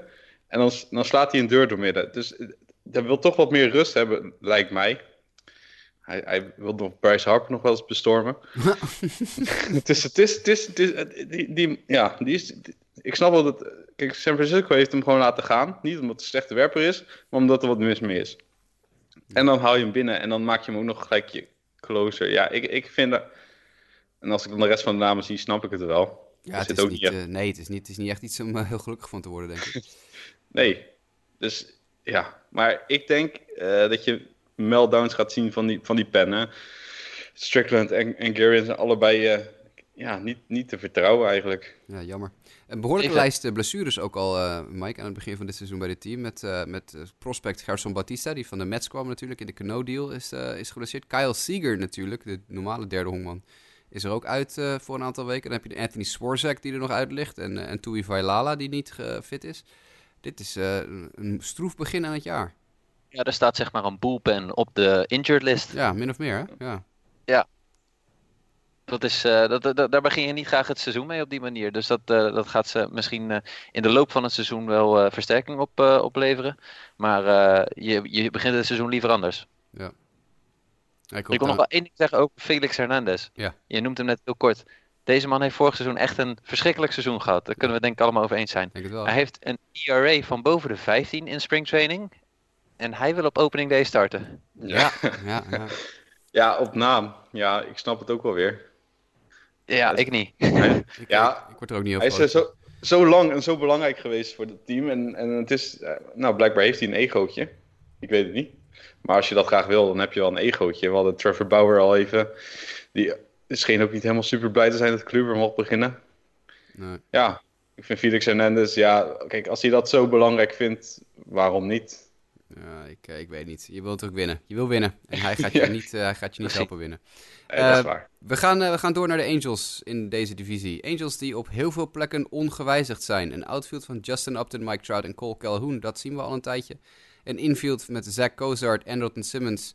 Aan de ene kant is ook wel bekend. Aan de andere kant van het infield met Darren Fletcher en Justin Boer zien we wat nieuwe gezichten. Eh, Jonathan Lucroy is de nieuwe man achter de plaat en Pujols wordt de DH. Dit is op papier nog niet eens helemaal zo'n slecht team. Hm. Op papier. Nee, op papier. Ja, ze moeten, als het klikt, dan klikt het. het is... Mike Trout hebben we al over gepraat, natuurlijk fantastisch. Justin Upton begint al een beetje op leeftijd te raken. Tenminste, zo ziet hij er altijd uit. Zo presteert hij inmiddels ook al een beetje. Ja, een beetje als een oude kerel, ja. Dat, eh, Ja, en als, als Pujols nog steeds een daily fixture in je line-up is, dan weet ik niet of, of, of je moet zeggen dat je nog competitief... Kijk, je moet wel tegen de Astros moet je Ja. op kunnen. En dat is dan toch niet meer zo, denk ik. Wel goede spring training, hè, Pujols? Ja, ja ik weet niet, misschien vindt hij dat leuk. Ja, nee, Ja, ja, ik- ik denk het, ja, inderdaad. Of het gaat nu nog, en dan, hij is natuurlijk al bijna 40. En dat gaat nu nog, zeg maar, begin van het jaar. En dan- Ja. slijtage komt er snel op. Ehm, de bullpen is ook versterkt. Cody Allen is de nieuwe closer. Ik denk dat dat een hele verstandige keuze is geweest. Niet dat Allen nou zo'n lights-out closer is, maar deze organisatie heeft heel erg veel moeite gehad met het vinden van een stabiele force achteraan die bullpen. Sinds het vertrek van, jeetje, wie was hun laatste echt stabiele closer die ze langdurig gehad hebben? Is dat eh, Houston Street geweest? Ja, vond je die stabiel? Nou, to- toen wel, misschien. Maar. Dit is, Ja. Dit is, ja, dit is wel, wel problematisch. Eh, eh, Cody Ja. Allen is wat, wat dat wel meer een anker, toch, Mike? Zeker, en heeft ook laten zien dat hij uh, in die positie gewoon ervaring heeft en het, en het he gets the job done if ja. needed. Ja, je hebt geen gedonder meer met, met de Cam Bedrosians van de wereld die je na zes weken weer af laten weken en zo, weet je wel. Ja, precies, precies. Ze zijn natuurlijk ja. even zonder Kenyon Middleton, die, die zwaar geblesseerd is, maar... En de elephant in the room is natuurlijk Shohei Otani, die hier ook gewoon nog op de roster staat. Ja. Nee, dat is misschien wel een goede DH, maar ja, we hebben vorig jaar al een hele discussie over gehad in de podcast, weet ik nog wel. Dat, dat moet je dan zo'n jongen laten slaan, niet pitchen, na John, uh, Tommy John. Daar was jij volgens mij ook niet helemaal uh, blij mee. Of, of, nee, jij zei dat het maakt niet zoveel uit, geloof ik, hè? Nou ja, je ziet heel veel spelers die wel gewoon slaan en, uh, en, niet, niet hoeven te gooien. Dat, dat gaat altijd prima. Alleen dat zijn spelers die in de toekomst niet hoeven te pitchen. En hij moet pitchen. Dat is, ja. dat, daar zou ik toch iets voorzichtiger mee zijn. Kijk, als het een veldspeler is, is het een heel ander verhaal. Die laat je gewoon DH en er is niks aan de hand. Maar bij pitchers zou ik daar iets voorzichtiger mee zijn. En zeker als je kijkt naar die rotation van de Angels... Uh, waar ook nou niet bepaald, denk ik, de supertalent vanaf spat. Tyler Skaggs, Andrew Heaney, Matt Harvey, Trevor Cahill en Jaime Barria. Uh, en als je hebt nog Nick Tropiano als zesde uh, potentiële starter erachter hangen. Maar een rotation van Skaggs, Heaney, Harvey en Cahill, dat is wel vergane glorie van top prospects. That is factually correct. Ja, ik weet niet of we daar nee, nog veel aan toe kunnen ja, voegen. Nee, ja, en kijk, uh, er zijn ook wel wat, zoals een Tyler Skaggs, die heeft echt wel laten zien dat hij talent heeft, maar is nooit fit. Of in ieder geval zelden fit. Ik vind dit, uh, dit team, als je het ook over de breedte bekijkt, het is een oud team. Het, is, het heeft zeker een aantal spelers die kwaliteit hebben. Maar het heeft ook het gevoel, vorig jaar waren ze net onder 500. Ik denk dat ze moeite gaan krijgen om beter te zijn dan 500. Uh, en ik vind met Harvey een opvallende. Die hebben ze dan gecontracteerd vanuit Cincinnati als free agent. Uh, met Harvey had, voor, zoals ik het heb begrepen altijd, in New York nog wel eens de naam om nog wel eens te gaan stappen. Dan ga je van New York naar Los Angeles. Ik weet niet of dat de juiste scenery is voor hem. Nee, nee, dat zullen we zien. Het is verder ook een maloot. We gaan naar misschien wel een van de slechtste teams in de Major Leagues. En dat zeg ik niet heel makkelijk als je het ook nog over de Miami Marlins kan hebben. Maar de Texas Rangers komen toch ook wel aardig in de buurt wat mij betreft hoor. Want dit is ook echt een team waar ik gewoon heel erg verdrietig van word. Maar vertel mij anders, uh, Mike. Uh... Ja, ik kan hele positieve verhalen voor je gaan vertellen over hoe de upside kan zijn. Neem uh, Elvis Andrews, neem zoals je zelf aangaf iemand als Nomar Mazara, is pas 23. Uh, Joey Gallo heeft serieus wat power. Asdrubal Cabrera is een new face in town die echt wel wat homeruns kan slaan in dat stadion daar. New face in town, dat is wel heel optimistisch, want uh, hij is wel een dagje ouder inmiddels. Maar en ja, inderdaad, wel, dat... in town is hij een new face, ja. Precies, precies. Maar goed, um, afgelopen week ging ook in een van onze apps uh, kwam de rotation van bij, voorbij van Texas. Mike Miner, Oeh. Edison Volquez, Lance Lynn, Drew Smiley en Shelby Miller. Ja, ik moet zeggen, uh, het ballpark in Texas is ook niet zo dat je daar zeg maar als pitcher gaat denken van... Nou, daar ga ik eens eventjes lekker gooien. Maar met deze vijf wordt het toch wel zeer uitdagend. Ik moest ook verschrikkelijk lachen. Was het, volgens mij was het Justin die zei, dat was in 2016, uh, 2014 een hele goede rotation geweest. Ja, ja precies. Jemig man, heb je het over vergane glorie. Goedemiddag hé. Nou ja, weet je, ik, poeh, ik zie het gewoon echt niet hoor, dit team. Ik, uh, nee. ik, ik, ben nooit zo van Gallo geweest. Ik ben niet zo van die, een, die one-trick ponies zoals hij. Uh, Mazzara, dat vond ik als prospect altijd heel leuk, maar die kan het gewoon niet waarmaken. Maar goed, die blijft natuurlijk jong. Delina de Shields als starting centerfielder, ik word er niet gelukkig van. Rooknet Odor, die al twee jaar op rij teleurstelt. Ronald Guzman, die teleurstelt. Shin Chu, daar weet je ook wel wat je krijgt. Nou oké, okay, José Leclerc, de closer, dat vind ik dan wel weer een leuke. Daar, kan ik dan wel graag naar kijken. Ik hoop dat hij het een beetje goed doet. Maar ik vind het gewoon een heel saai, matig AAA-team eigenlijk. Ja, ze hebben natuurlijk nog wel uh, New Face in Town, Hunter Pants. Hunter Pence, die derde op de depth chart in het outfield staat. Ja, ja. inderdaad. Ja, nieuw, nieuw face in town, hè? je weet het niet. Uh, nou. Zoals Mike zegt, nee, tuurlijk, dit, dit, dit, dit. En dan gaan ze daarvoor, hebben ze Willy Calhoun dan weer in triple A. Oh, ja. ik werd zo boos van de week, jongen. Ja, dat is, uh, ik zal niet te lang eroverheen doorgaan, maar ik heb alweer gelijk de hashtag Free Willy losgelaten op, uh, op Twitter. Want doe even normaal, man. Echt, ze blijven die, die, die, die jongen maar jojoen. En ze blijven hem maar op zijn op tenen trappen. Want dit is natuurlijk ook gewoon weer een belediging voor hem. Als je dit soort jongens voor je houdt, terwijl je eigenlijk gewoon veel beter bent dan ze. Dat, ja, ik, ik, nou goed, oké. Okay. Ik hoop heel erg dat er een team is dat uh, tegen de Rangers zegt... hier heb je een zak ballen, wij nemen Willy Calhoun wel over. En uh, dat ze hem dan full, fulltime in het linksveld gooien of zo. Want dit is uh, die Willy... Free Willy, jongens. Hashtag Free Willy. Het is, Waar gaat deze franchise heen, afgezien van plek 5 dit jaar in de divisie? Ja, deze franchise is helemaal niks. Dit is, die zijn helemaal de kluts kwijt. de, de, de, paar redelijke prospects die ze hadden zijn ook geblesseerd inmiddels. Dus dat is, het is echt het is één grote clusterbomb aan idioterie hier. ik, ik, dit is de, de nieuwe de, de American League Miami Marlins. In mijn optiek. Maar goed, dat is misschien uh, erg gechargeerd. Uh, we gaan standings doen, jongens. We gaan er even snel, want we zijn alweer een tijdje bezig, ook met deze divisie. 1 tot 5. Mike, geef mij jouw uitslagen. Houston Astros, Oakland Athletics, Seattle Mariners, Los Angeles Angels en Texas Rangers. Dus hetzelfde als vorig jaar? Nick? Ik had toch een stukje anders. Astros, nummer 1. Dan hoop ik dat de Angels, nummer 2. Ook het A's 3. Mariners op 4 en Rangers laatste plaats. Ik ga voor uh, Houston, Seattle, Oakland, LA, Texas. Ik denk dat Seattle voldoende verbetering meemaakt met uh, de nieuwe gezichten. Dat ze Oakland, die het trucje van vorig jaar niet na kunnen doen, voor kunnen blijven. Uh, en dat is eigenlijk, uh, ja, komt op hetzelfde neer. Houston wint de divisie. We gaan naar de volgende divisie. Dat is de American League Central. Nou, daar kunnen we misschien nog wel sneller doorheen dan uh, door deze, want daar word je ook niet heel vrolijk van.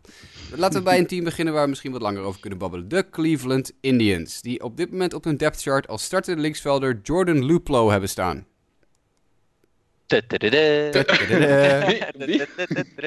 Ja, inderdaad. Dat uh, is, uh, ik weet ook niet, maar goed, oké. Okay. Uh, we lopen hem even snel door. Luplo in links, Martin, Leonis Martin in center, Tyler Naquin in rechtsveld op dit moment. Oei. Jake Bowers dan. Ja, eerste honk, hè? Carlos Santana. DH. Henry Ramirez. staat niet op de depth chart. Oh. Nou ja, kan hè, DH. Ja, nou ja, het, kan in theorie wel. Maar hij staat zelfs helemaal niet op, ook niet op de DH depth, depth chart. Dat, uh, volgens de Indians website zelf zijn Santana en Bowers de enige twee DH's op de, in de line-up. dan gaan ze hem nog kutten dan. Ja, dus uh, dit, uh, dit is wel een outfieldje hoor. Luplo, Martin en Naquin. Ik, ja. Alright, ik weet het niet. No, no expectations aan het begin en dan maar kijken of ze die kunnen overtreffen, die verwachtingen. Ja, nee, inderdaad. En natuurlijk, ja, de, de linkerkant van het infield van de Indians met Lindor en Ramirez, dat zit wel geramd. Hoewel Lindor uh, geblesseerd is op dit moment wel fit is voor opening day, heb ik begrepen. En Ramirez vorig jaar in de tweede helft van het seizoen natuurlijk echt een, als een raket naar beneden storten. Dus dat is wel even iets om een klein oogje op te houden. En dan hebben we de rechterkant van het infield met uh, Jason Kipnis en dus Jake Bowers. Dat is wel een, uh, een risico kantje, denk ik toch, Mike? Ook qua gezondheid. Tenminste, Kipnis is niet uh, altijd nee. de beste offensief geweest, maar hij heeft ook wel eens wat blessures gehad. Nee, de beste kant van dit team blijft toch, denk ik, de pitching rotation. Corey Kluber, Carlos Carrasco, ja. Trevor Bauer, Mike Clevenger, Shane Bieber. Goedemiddag, ga er maar aan staan. Ja, dat beste zijn rotatie, gewoon, ja. Precies, dat zijn gewoon eigenlijk allemaal one-twos. Ja, en dan hebben we het nog niet eens gehad over Danny Salazar, die in principe ook gewoon een, uh, een plekje in een, iedere rotation in de American League kan verdienen. Maar die valt hier gewoon buiten omdat de rest gewoon beter is. Dus dat is... Uh, ja, dit is hij al fit dan? Nou, dat, dat, ook niet. Hij staat niet officieel op de injury report, maar ja, die worden vaak ook pas uh, op echt opening day of de dag voor opening day helemaal openbaar gemaakt. Dus het kan best zijn dat hij nog niet 100% fit is, maar dat hij niet officieel nog op een injured list is geplaatst.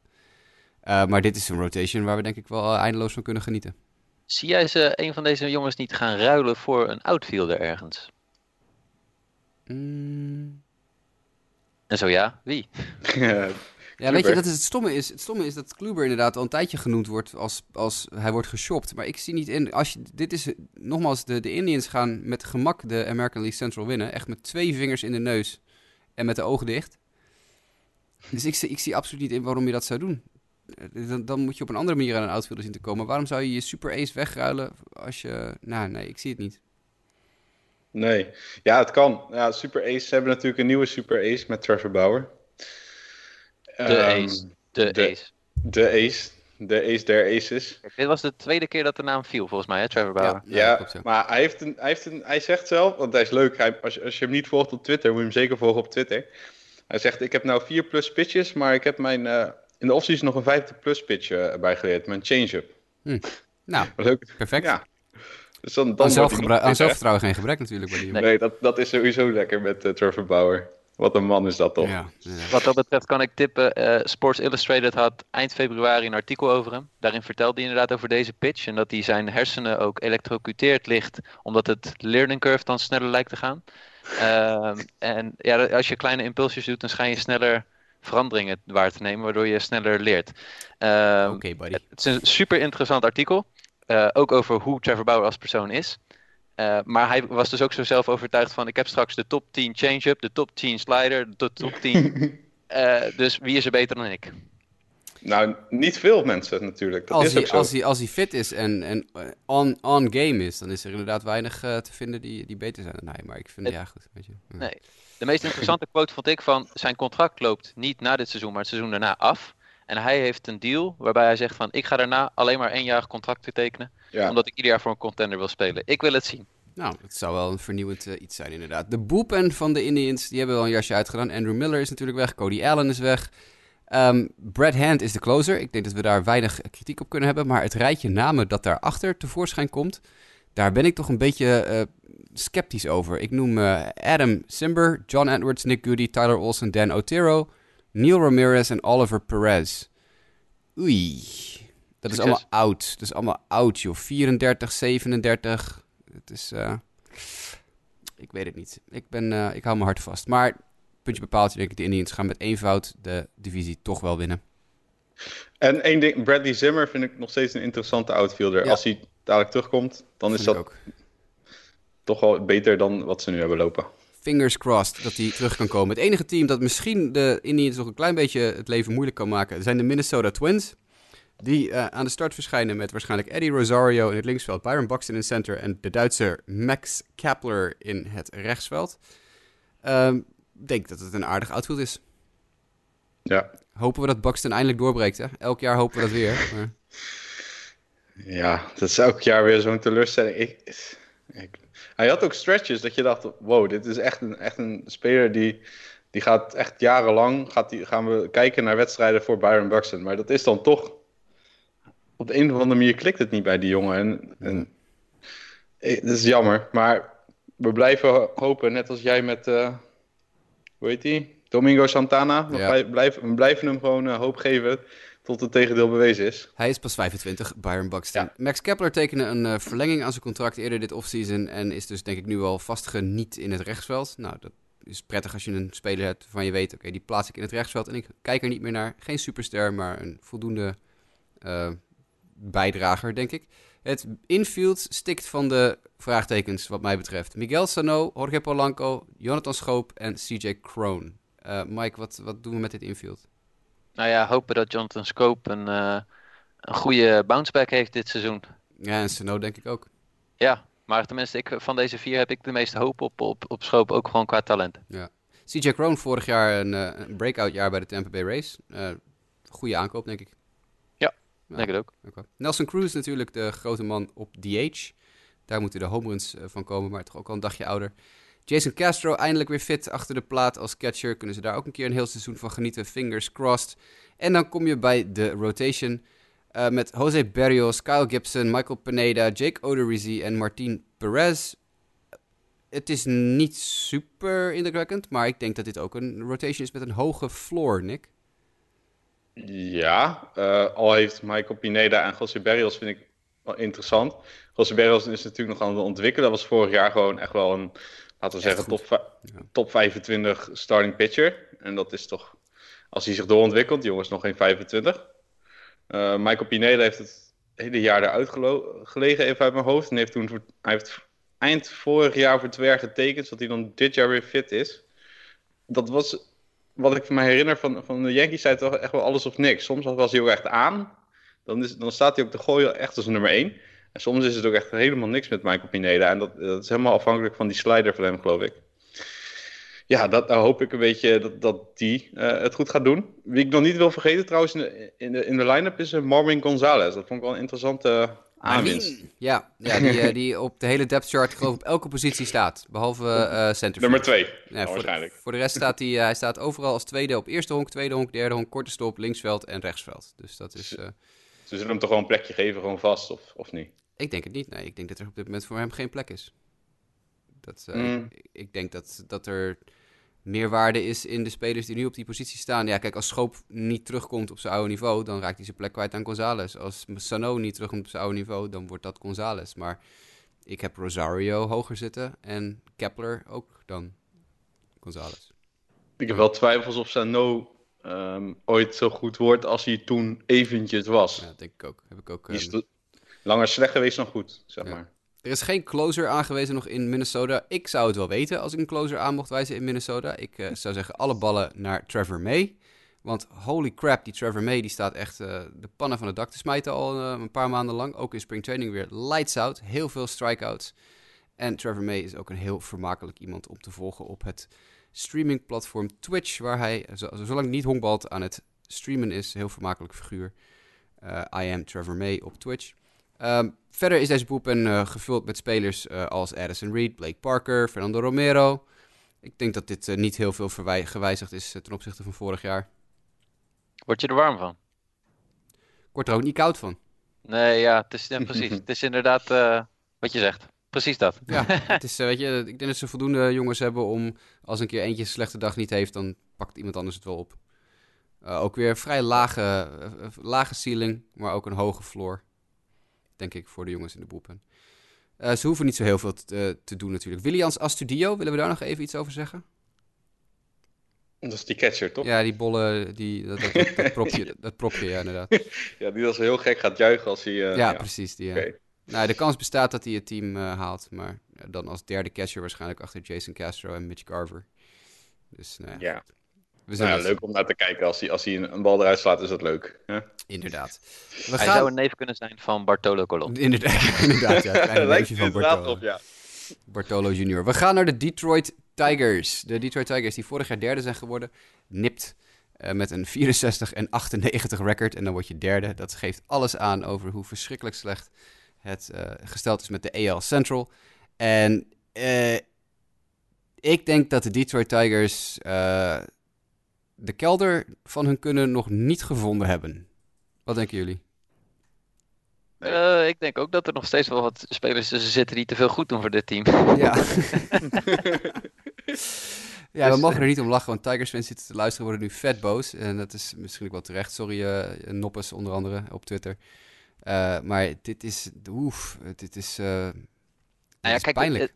Ja, precies. En het zit ook niet mee, hè. Zo Michael Fulmer, die dan, laten we zeggen, in ja. springtraining geblesseerd raakt. Dat is dan een van de lichtpuntjes van dit team. Nee, dat is... Uh, dit team moet gewoon... Weet ik, Josh Harrison hebben ze gecontracteerd van, uh, van de Pittsburgh Pirates.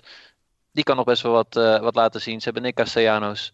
Uh, we hebben het hier eerder over gehad over Nick Castellanos. Ben benieuwd of die dit seizoen door gaat komen. En Miguel Cabrera, die schijnt redelijk goed te staan, staan in, uh, in spring training. Ja, maar ja, die gaat uh, natuurlijk ergens halverwege april gaat die, de pace van zijn kleine teen afscheuren en dan ligt hij er 13 weken uit.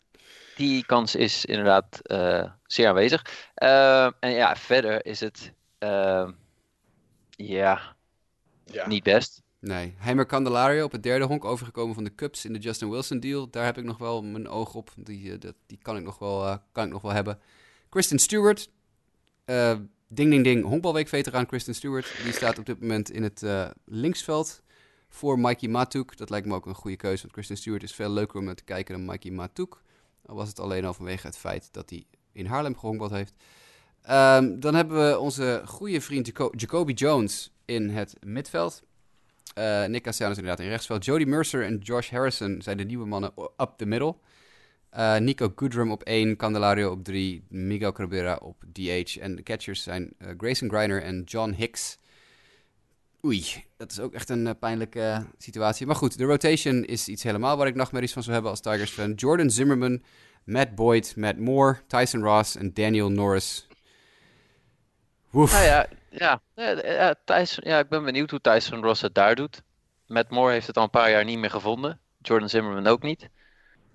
Ja, het zegt genoeg. Ja. Kijken jullie eens voor de even naar het lijstje bij boelpen namen. En zeg eens even hoeveel namen daarop staan van spelers waarvan je denkt... Oh ja, dat, dat lijkt me wat om naar te kijken. Hoeveel, hoeveel kan je er vinden, Nick? Eén. Eén. Mike? Eén. En ik 1. En uh, allemaal op, uh, op, op 3 zeggen we de naam. 1, 2, 3. Jimenez. Joe, ja. ja. ja. Jij zet dat de voornaam er niet bij. Ik denk, hè, wat gaat hij nou zeggen? Ja. Nee, nee. Sorry, ja, nee, Joe Jimenez. Inderdaad, dat is denk ik de enige ja. interessante naam in die bullpen. Voor de rest met Shane Green als closer, dat weet je toch nooit hoe dat af gaat lopen. Nou ja, dat is de enige waarvan ik zeg van die is nog enigszins ervaren. En, uh, ja, maar, ja, maar zo, geen, zo is, is niet geweldig, nee. Up en down allemaal, man. Uh, Zach Reiniger, uh, ja, Drew Verhagen heb je ook nog. Het is poef, man. Ik zie nog één naam staan, uh, ben ik benieuwd. Hoe komt Gordon Beckham nog steeds op MLB rosters? Fuck, ja, dat is waar. Die is, gisteren bekend geworden. Gordon Beckham heeft de Detroit Tigers gehaald, inderdaad, ja. Nou, dat zegt al genoeg over de staat van de Detroit Tigers, denk ik. ik maar ik, tenminste, ook als je zijn statistieken bekijkt.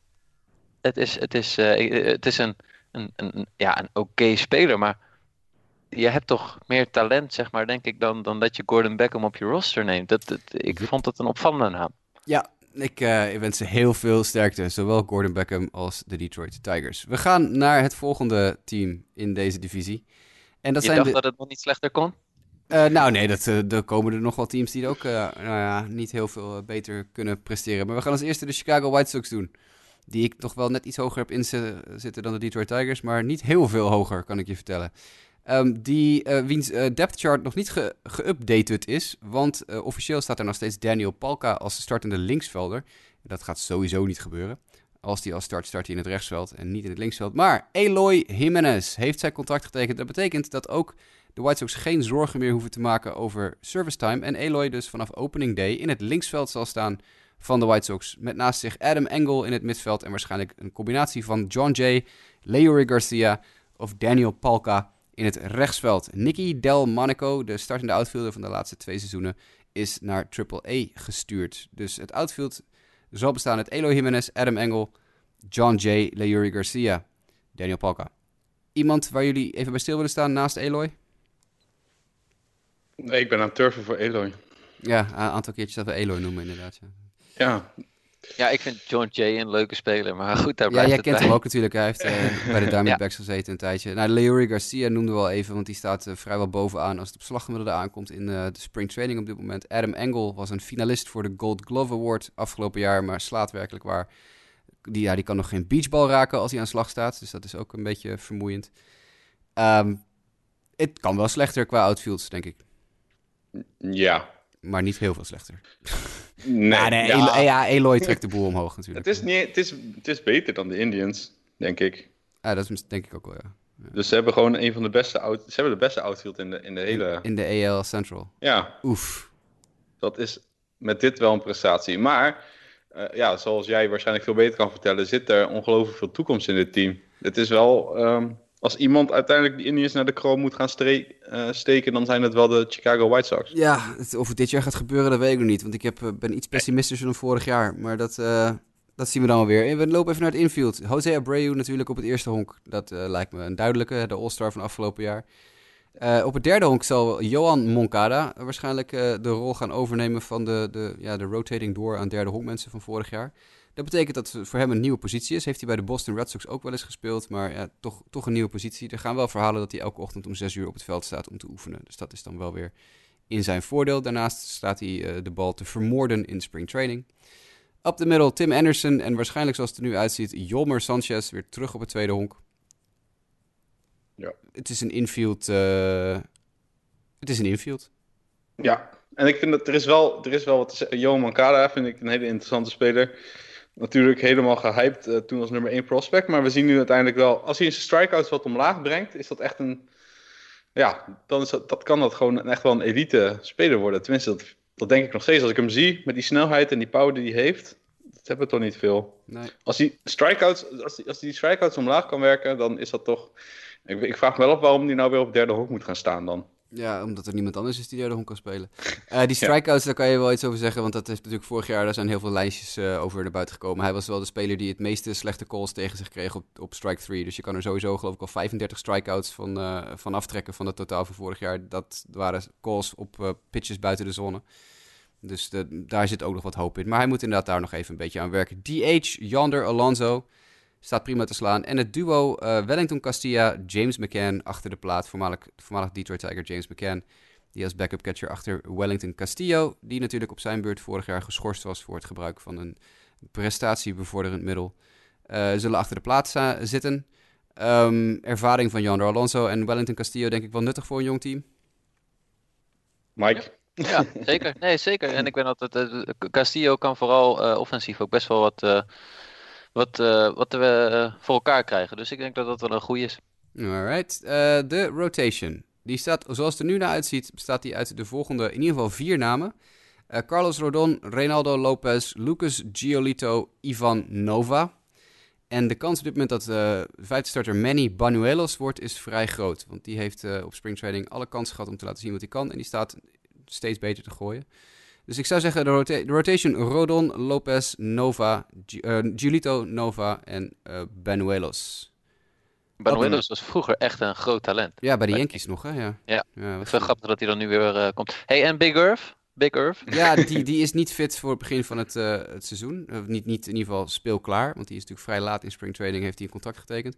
Staat wel heel goed te gooien, dus als Banuelos de eerste paar weken van het seizoen de boel niet helemaal op de rails heeft, dan kan het zomaar zo zijn dat uh, Irvin Santana weer een opwachting maakt in de Major League, inderdaad. Want die staat, als hij op de heuvel staat, op dit moment wel prima te ballen. Dus dat is inderdaad een naam om in de gaten te houden. Verder valt Dylan Covey dus net buiten de rotation. Mogelijk schuift hij naar de bullpen. De bullpen die bestaat uit closer Alex Colomé, setup mensen Nate Jones en Kelvin Herrera. En dan hebben we nog Jace Fry, de lefty die vorig jaar heel goed was. Thiago Vieira is naar minor league camp uh, teruggestuurd. Ryan Burr en Ian Hamilton. Burr en Hamilton voor de Amerika geschiedenisliefhebbers altijd een leuke combinatie. Uh, gaan met z'n tweeën waarschijnlijk wel de bullpen halen. En Caleb Frere, die vorig jaar van de Yankees overgenomen is, uh, wordt een lefty in de bullpen. Ja, ik denk dat het, de conclusie over dit team kan zijn: het kan slechter, het kan beter. Ja, nou, zoals je je rotation ook noemt, dat zijn wel eh, guys die erin zitten die, een, uh, die wel tot de quality starts kunnen komen. En als je kijkt naar die bullpen, ik bedoel Colomé en Herrera en ook Nate Jones wel, dat zijn wel namen in mijn beleving. Dat je zegt van, nou, die kan je, die kan je prima de heuvel opsturen om, om in een close game echt wel even de deur dicht te houden. Ja, dat dan weer wel. Jose Rondon gaat waarschijnlijk het team halen als utility infielder. Leori Garcia als utility alles, want die kan alles. Uh, ik, ik hoop dat Daniel Palka weer een leuk seizoen heeft. Ik heb vorig jaar genoten van die ongelofelijke bommen die Daniel Palka kan slaan. En uh, als dat dit jaar weer gebeurt, dan uh, hebben Julian Ubachs en ik in ieder geval weer een leuk jaar. Want wij besturen met z'n tweeën de Daniel Palka fanbus. we gaan maar even verder, want heel veel meer over dit team hoeven denk ik niet te zeggen. De Kansas City Royals. Nick, wat vinden wij van de Kansas City Royals? Ja, kan vriezen, het kan dooien. Ik weet het niet. Ze hebben namelijk een aantal spelers die toch wel interessant zijn. Um, in de infield hebben ze die Ryan O'Hearn. Die heeft vorig jaar pas gedebuteerd, geloof ik. En daar stond hij echt best wel goed te slaan. Volgens mij had hij een stuk of 15 home runs in echt een uh, 250 at bats, even uit mijn hoofd. Interessante eerste honkman, is pas 25. We hebben Jorge Soler als die ooit eens uit kan breken en, en hij lijkt in springtraining wel in vorm, is dat gewoon een hele bruikbare nou, outfielder. Alice Gordon is natuurlijk altijd wel solide. Whit Merrifield en um, Alberto Mondesi staan aan de top van die line-up, nummer 1 en 2. Nou, Mondesi is dit jaar, er staat heel veel hype om hem heen. Een mooie uh, speed-power combinatie. En Merrifield, ja, die is al 30, maar die is, die is pas onlangs doorgebroken. En dat, die, die beschouwen we toch al een beetje als een ja, hele nuttige speler. Dus eh, in principe ziet het er niet heel slecht uit voor, uh, voor de Royals. Als je dan bedenkt waar ze vandaan komen. Uh, ze hebben natuurlijk achter de plaat Martin Maldonado aangetrokken. Die Scott Barras niet helemaal de goede deal voor zou hebben afgesloten. Die heeft hem gedumpt. Ja, Billy Hamilton op het roster. Zou hij dan eindelijk een vaste plek krijgen daar? Ik weet het niet. Staat wel goed maar, te spelen in spring training, hè, Billy, Billy Hamilton. Wat is goed? Hoger dan 300 OBP? Ja, 303. Oeh. Ja. Je meter cut. ja, dan heb ik daar toch liever die Chris Owings van uh, de Diamondbacks, hè Mike? Ja, ja, die staat helemaal OPS uh, van uh, ver boven de 1100 volgens mij. Oh, nou, dat wist ik niet eens. Maar dat vind ik altijd wel Dat is geen joke. Nee, ik geloof je. ik zit even te factchecken, want misschien dat uh, Jasper de volgende cijfers voor zich heeft. Maar Chris Owings staat serieus, ik viel me net op. Qua nee. statistieken in ik spring heb training. Ik heb Owings niet voor me. Het was me al ontgaan dat hij hier überhaupt uh, speelde. Dus dat scheelde weer. Dat, uh... Ik zou heel snel even kijken. Maar even de, ik, hierop aanhakend. Dit optimisme van ik, dat heb ik enigszins als ik kijk naar de line-up. Kijk Ja. naar de pitching. Niet doen. Niet, niet doen. Oké. Ja, kan wel, maar ja, zonde van je tijd. Eh, weten jullie wie op dit moment de nummer 5 starter van de Kansas City Royals is? Nee. Er staan op deze chart maar vier. Die ik heb. Homer Eh, Bailey. Ja, ik zag hem staan. Ja. Oh, oh, die staat er als nummer vier. Oh, oké, die staat bij mij op mijn chart op nummer 5. Dus nou ja, Ja. goed, hoe dan ook. Als je Homer Bailey op 4 of 5 in je rotation hebt, dan heb je natuurlijk een probleem. Denk ik. Ze hadden natuurlijk, eh, hoe heet die? Danny Duffy. Ja, die, Maar staat, eh, die staat bovenaan, maar dat is, eh oef, Die is, ik weet die niet. is niet fit. Niet fit. Nee, Brad dit, Keller. Dit, dit, dit gaat een lang seizoen worden voor de. voor- waarom? Kijk, ehm, Danny Duffy is trouwens volgens mij nog enigszins geblesseerd Ja. en gaat mogelijk het seizoen niet tussenhalen op de, op de roster. Maar je hebt, je hebt enigszins pitching eh, nodig eh, eh, van een niveau wat de White Sox hebben. Wil je wedstrijden kunnen winnen? En ik vind Jacob Junis heb ik hoog zitten. Maar afgezien daarvan is het, voor, voor- nou ja, vind ik het niet goed. En daarbij komt natuurlijk de blessure voor Salvador Perez. Dus je bent het hele seizoen zonder Salvador Perez. Dat is ook natuurlijk een Ja. aderlating voor de offense en voor je team als geheel. Je aanvoerder eruit de bullpen. Geen closer aangewezen nog, maar de enige namen waar ik enigszins gelukkig van word zijn die van eh, Jake Diekman, Brad Boxberger en Willie Peralta. En alles wat erachter zit, dat eh, mogen ze van mij met het grof vel meegeven. Dus eh, nee, ik, ik zie het helemaal niet in deze Royals. Ik, ik zie er veel te veel risico. Ik ben niet zo van Gordon. Alex Gordon die, die draagt bijzonder weinig bij de laatste paar jaar. op aanvallend gebied. En is ook alweer oud gewoon. Dat is gewoon oud. is gewoon 35. is gewoon op. Eh, Hunter Dozier kan het al jaren niet klaar, eh, klaar voor, voor elkaar brengen. Dus het- ik, ik zie het niet. Ik, ik zie het niet in de Royals. We gaan eh, standings doen, jongens. Want we gaan anders te lang uitlopen. De AL Central. Nick, je mag beginnen. Wat, wat ga jij 1 tot en met 5 doen met de AL Central? Ik ga Indians op 1 met afstand. Ik, ik denk White Sox op 2, toch? Twins 3, Royals 4 en Tigers laatste. Mike. Ik ga voor eh, de Cleveland Indians winnen de divisie. Gevolgd door de Minnesota Twins. Gevolgd door de Chicago White Sox. Detroit Tigers en Kansas City wordt laatste. Ik eh, sluit me bij Mike aan. Ik denk dat ook. Ik denk dat Minnesota nog best wel eens eh, te leuk kan gaan eh, doen dit jaar. Nog misschien wel de Indians het een klein beetje moeilijk kan maken zelfs. Fingers crossed. Dan, dat is altijd prettig als het een beetje competitief is in de divisie. We gaan heel snel door naar de AL East. Dat is de divisie waar de meeste mensen op zitten te wachten waarschijnlijk. Want Nederland stikt nou eenmaal van Red Sox en Yankees fans. Dus daar gaan we. We beginnen bovenaan met de Boston Red Sox.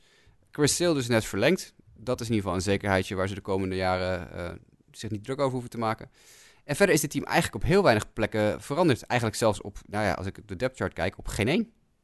Nee, behalve dan dat ze dan de, de bullpen Joe Kelly en Craig Kimbrell kwijt zijn natuurlijk. Ja, dat, dat inderdaad. Maar voor de rest, eh de startende line-up met Benintendi, Bradley Jr. en Mookie Betts in het outfield. Dat is ongewijzigd. Rafael Devers, Sander Bogarts, Dustin Pedroia en Mitch Moreland op dit moment ingeschaald als de startende infielders. Nou, dan moet je bij Pedroia altijd nog maar even afwachten. Maar dan zal er nog een Brock Holt of een Eduardo Nunez achter zitten. En die zit er ook al een paar jaar inmiddels. En eh, Sandy Leon achter de plaat met Jose Martinez, sorry, JD Martinez achter, eh, op DH met Steve Pierce achter hem. eh, is eigenlijk ongewijzigd. Sale, Price, Porcello, Jovaldi en Rodriguez in de rotation. Dit is, dit, dit, dit is een team dat, ik, dat, dat staat. Ja, er hoeft ook niet veel aan te gebeuren. Nee, eh je hebt weinig op aan te merken. Hè? Ze hebben weinig zwakke plekken in, in, in, in, in, eh, in de line-up. Jackie Bradley gun ik altijd toch iets meer dan dat hij daadwerkelijk doet. Ik heb altijd een, een hoger idee van hem dan hij daadwerkelijk doet. Ik hoop dat hij eindelijk eens een keer ja, dat, dat, dat laat zien. Ik heb niet zoveel vertrouwen in hun bank. Maar ja, goed, Eduardo Nunez en de World Series MVP zitten er wel. Dus ehm, ja, je zou kunnen zeggen diep. Ja. Nate Eovaldi vind ik dat natuurlijk wel interessant. Gaat hij dat nou, eh, die aerobics van vorig jaar, gaat hij dat nou het hele jaar in de, in de, gewoon vanuit de starting role ook eh, doen? Ja, dat denk ik niet. Dat denk ik niet. Nou ja, verder de Tegen- boepen, eh, die, die, die stip je al even aan. Die, die is wat, heeft een, een, een jasje uitgedaan. Matt Barnes is mogelijk de nieuwe closer? Of wordt dat toch eh, Ryan Brazier? Volgens mij gingen ze nog een beetje met comedy. Ja. Is in ieder geval het laatste wat ik een beetje ervan had. Maar Matt Barnes is inderdaad en, eh, en Ryan Brazier zijn volgens mij de twee namen die dan het meest genoemd worden in die rol. Ja, ja, het is de geen rest-. Nee, en je hebt eh, Workman, Henry, Velasquez, Thornburg als die fit is, Johnson. Dat zijn allemaal bekende namen voor Red Sox fans. Er is in dit team heel weinig veranderd. En dat is in het geval van als je natuurlijk de regerend kampioen bent op zich niet heel gek. Nee, dat is, dat is fijn. Dat is fijn. Ja, Kijk, als ik dan één kritische noot mag kraken over dit team. eh, eh, de diepte van de pitching. En met name dan de starting pitching. eh, daar heb ik mijn vraagtekens bij. Ik bedoel, na die vijf. hebben ze daar heel veel mogelijkheden nog? Nee, ik ken ze ook niet uit mijn hoofd, nee, inderdaad. En ik verwacht wel dat Eduardo Rodriguez een, een, een goede stap voorwaarts gaat doen in zijn ontwikkeling dit jaar. Maar ja, ik, ik, ik zie het daarna nog niet zo. Dus ik, ik hoop voor de Red Sox fans dat ze al deze jongens fit blijven. Dat, dat hoop ik ook voor ze, ja, inderdaad. Um, willen jullie nog iets kwijt over de Boston Red Sox? Anders gaan we naar de Yankees. Nee? Ik denk dat we naar de Yankees kunnen. Naar de Yankees. Waar ik gelijk even wil aanstippen dat op de depth chart op dit moment Giancarlo Stanton als startende linksvelder in de line-up staat. Dat weet ik niet. Ja. Heb ik iets gemist? Aaron Hicks is geblesseerd, geloof ik, hè? Daarom. Ja, maar die staat in centerfield, Aaron Hicks op de depth chart. Brad Gardner die staat niet meer Aaron, in... Aaron Hicks gaat opening day roster niet halen. Hij heeft last van zijn rug en hij heeft uh, volgens mij tot op heden nog geen activiteit ondernomen sinds dat hij geblesseerd is Dus bedoel je dus daarmee dat Gardner de startende centerfielder is uh, met opening day en dat Stanton en Judge links en rechtsveld staan? Ja, dat is in ieder geval wat, het laatste wat ik voor gelezen had. Ja, dat zou kunnen inderdaad. Dat is, uh, maar dat, ja, dat verklaart nog steeds niet waarop op mijn depth chart Stanton, Hicks en Judge de startende outfielders zijn links naar rechts. Dus dat is dan wel opvallend. Ik, zou toch denken dat Gardner eerder start in het linksveld dan uh, Stanton. Terwijl Stanton natuurlijk een betere DH is dan Luke Voigt, die op dit moment als DH op deze depth chart staat. Maar goed, er kan nog veel veranderen. We hebben het over het outfield al eventjes gehad. Ik denk dat uh, ja, we geen discussie hebben dat dit een van de betere outfields in baseball is. Als je Stanton en Judge op de corners hebt en Hicks in het midden, als dat iedereen fit is, dan uh, kan je daar denk ik wel mee thuiskomen. Uh, het infield, Miguel Andohar op het derde honk. En waarschijnlijk denk ik Greg Bird of Luke Voigt op het eerste honk. Ja, de andere DH. Ja, Voigt die staat iets beter te slaan in spring training, heb ik vernomen, dan uh, Greg Bird. Dus dat scheelt dan weer. Gaat Greg Bird fit blijven? nee. Dat is ja nooit natuurlijk. Nee, nee ja. Nee, en de, de interessantste discussie in het infield is misschien nog wel die als je op uh, korte stop tweede honk uitkomt. Want op deze depth chart staat Tulo als startende korte stop en Gleyber Torres op startende tweede honk. Maar ik denk dat je als team misschien iets beter af bent als je Glaber Torres op korte stop zet en DJ LeMahieu op het tweede honk. Maar aan de andere kant, zolang Tulowitzki niet geblesseerd is, wil je misschien hem wel in de line-up hebben. Maar... Ja, kan die nog wat, hè? Is een beetje de vraag. Dat is de, de grootste vraag, denk ik inderdaad, ja. Ik denk dat je eerst Tulo zijn kans moet geven. DJ LeMahieu is nou ook niet spectaculair. Ja, hij is solide. Maar meer, ik vind hem voor de... Als je naar de Yankees kijkt, is DJ LeMahieu meer een, een, een goede benchpad. Ja. Uh, solide defense als hij erin komt. Ik vind DJ LeMahieu, nou, die, die dwingt niet echt af dat Troy Tulowitzki nou op de bank moet gaan zitten. Ja, ik vertrouw gewoon Tulo niet meer. Joh. Dat is gewoon, die is nee. zoveel kapot geweest, jongen, de laatste paar jaar. Maar ja, goed. Oké, het is het, uh, op papier ziet het er allemaal heel leuk uit. Uh, Gary Sanchez en Austin Romine achter de plaat. Uh, zullen de, de deal gaan, gaan maken dat ze om, om en om een beetje catchen. Of in ieder geval dat Romine af en toe Sanchez even wat tijd vrij gunt.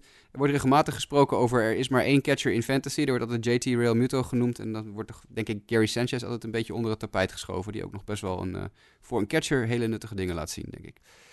Uh, de rotation, die is wel wat geupgrade. Want ze hebben natuurlijk uh, Severino Tanaka en daar zitten dan achter Paxton. En de nieuwe James Paxton. Een ge resigned J.A. Happ. En dan een combinatie van Domingo Herman of CC Sabathia. Een van de twee. Sabathia's laatste jaar.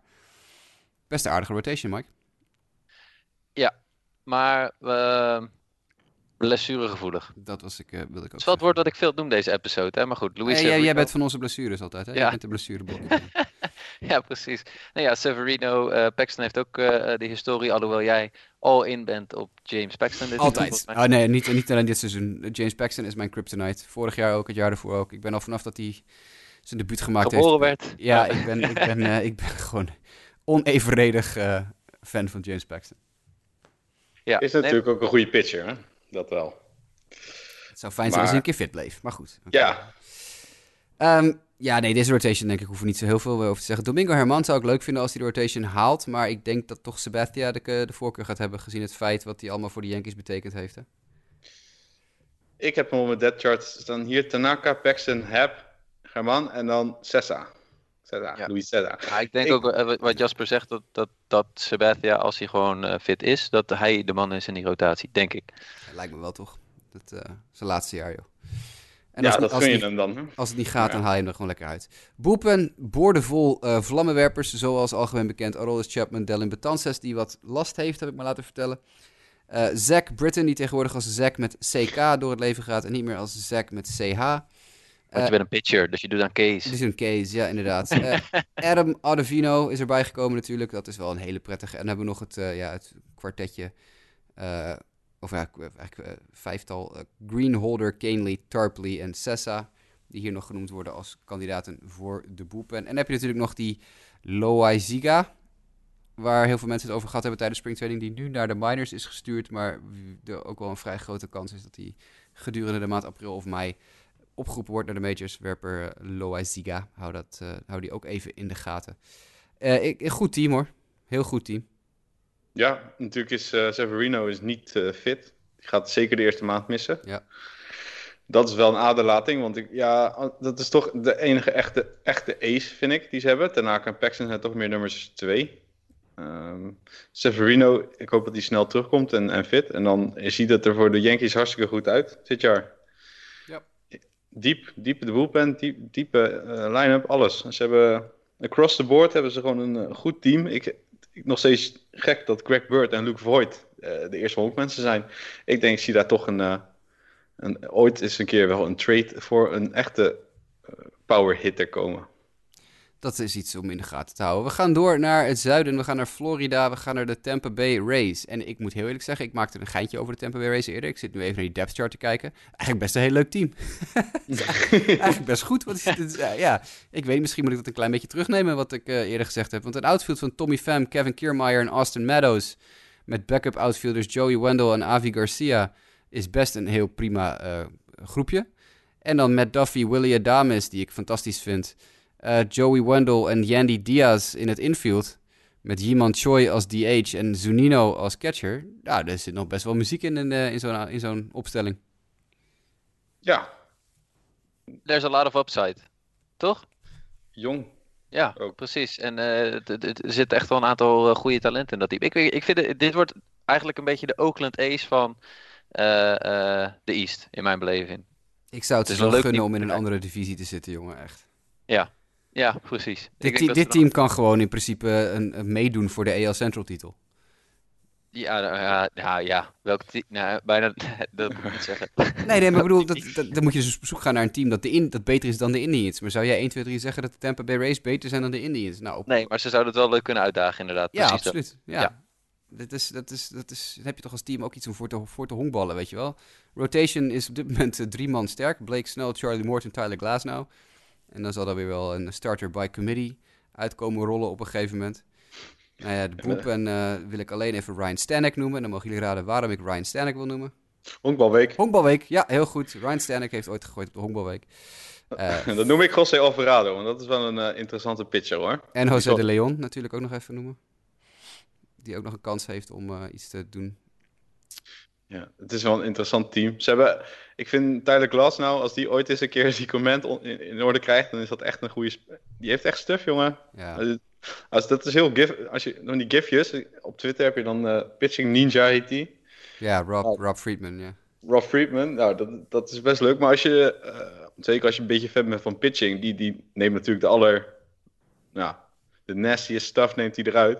Maar uiteindelijk Glasnow zit er regelmatig tussen. En die heeft echt wel staf. Laten we hopen dat hij een keer de strike zone kan vullen. Dan is dat gewoon een, eh, een mooie pitcher om naar te kijken. Ja, ik, eh, ik zie dit wel zitten in het team. Ik hoop dat ze een, een, een, een wild card... Nee, dat wordt ook weer moeilijk, weet je. Nee, Nee. weet je, het, is- het, het is gewoon de divisie. Dit team kan in, in een andere divisie gewoon veel leuker meespelen. Het is, eh, het is gewoon niet leuk dat de Red Sox en de Yankees met z'n tweeën in diezelfde divisie blijven iedere keer. Dat is, Mag ik één vraag stellen? Nou, vooruit. Gaan we Brent Honeywell Jr. zien in de Major League dit seizoen? Eh, ik eh, denk niet voor september. Oké. Het Nee. zou wel leuk zijn. Ja, toch? Ja, Ja. hij is, eh, hij is, even kijken, Tommy John in springtraining vorig jaar. Dan ben je er een heel jaar uit zonder dat je überhaupt voluit kan gooien. Dan moet je nog drie maanden revalideren. Eh rehab gooit wel, toch? Ja, hij, Hij hij, hij, hij gooit nu, maar niet voluit nog. Nee, want Oh. hij heeft bij mij inderdaad geen. eh, ik, ik heb niets aan als dat hij geblesseerd is. Dus vandaar dat ik even de vraag stel. Want het is een van de interessantere namen. Nee, Eh. maar je, het duurt anderhalf jaar, joh, eh, Tommy John voor een werper. Dus eh, ga er maar uit dat hij niet voor juni wedstrijd fit is. Nou, dan ga je hem in juli of in augustus een keer rehab starts laten maken. Nou, misschien een keer, in- misschien in augustus. So you're telling me there's a chance. Ja, oh ja, nee, ja. het- De Rays zijn wel conservatief hè, met hun pitchers meestal. Dus die, Ik, die gooien ja. ze er niet zomaar in. Ik denk, dat, ik denk dat hij wel komt, maar het is laat in het seizoen. Ja. Ehm, Nou ja, meer heb ik even niet over de Tampa Bay. Heb je gezien wat ze met het stadion gedaan hebben dit jaar? Wat ze, wat ze gaan doen om het meer een coole ervaring te maken om in die betonnen bak te zitten? Met die lichten? Nee. Oh, dat is wel heel cool. Dat moet je maar even opzoeken. Het stond op Reddit van de week. Eh, Even kijken of je dat kan vinden. Zeg, met, met allerlei blauwe lampen en blauwe effecten hebben ze die hele koepel hebben ze wat meer sfeer gegeven. En de, en de stoelen en zo. Het ziet, dat ziet er wel echt gelijk een stuk gaver uit. Het ziet er wel echt uit als een beetje als een honkbalstadion ineens. In plaats van als een badkuip met een dak erop. Ze dachten, geen nieuw stadion, dan doen we maar even nieuwe lampjes. Ja, ja, nee, dat, is echt, dat ziet er wel echt vet uit. Ik, ik cool. ben wel echt, eh, echt wel blij dat ze eindelijk eens iets daaraan gedaan hebben, want ik vond het altijd zo lelijk. We moeten heel snel door, jongens, want we lopen gigantisch uit. Toronto. Ehm, brandhout. Even kijken. Hebben we daar iets... Oh, jij wilde iets zeggen over Brandon Drury, geloof ik, eh, Mike? Ja, big believer en eh, staat ook goed te slaan in spring training. Ehm, krijgt nu eindelijk de ruimte en de kans.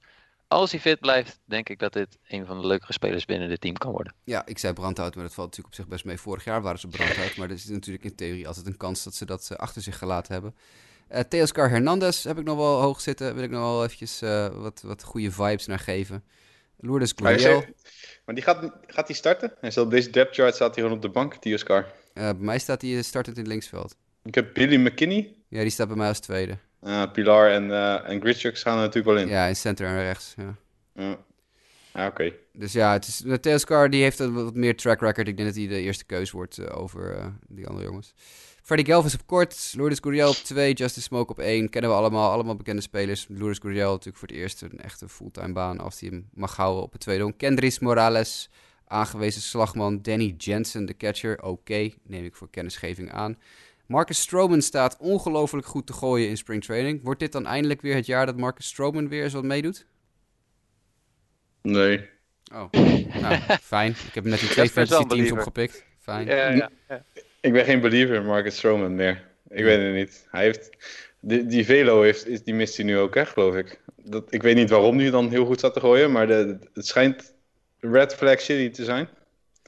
Ik, eh, ik weet het niet. Eh, eh, als iemand goed staat te gooien, dan ben ik altijd geïnteresseerd. Hij is pas 27, dus ik bedoel... Hè? Dan hoop ik meer op Aaron Sanchez. Ja, maar deze strikeouts zijn dus ook wel weer heel laag. Dat is dus weer een probleem. Dus Stroman heeft nog meer strikeouts dan Sanchez. Dus dat, is, dat schiet niet op natuurlijk. Hmm, Ja. Oké.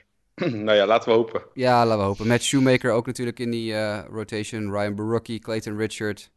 Nou, dan zijn we er wel eens een beetje. Sean Reed Foley is nog wel iemand om even in de gaten te houden. Voormalig top prospect die eh, mogelijk een plaatsje afdwingt.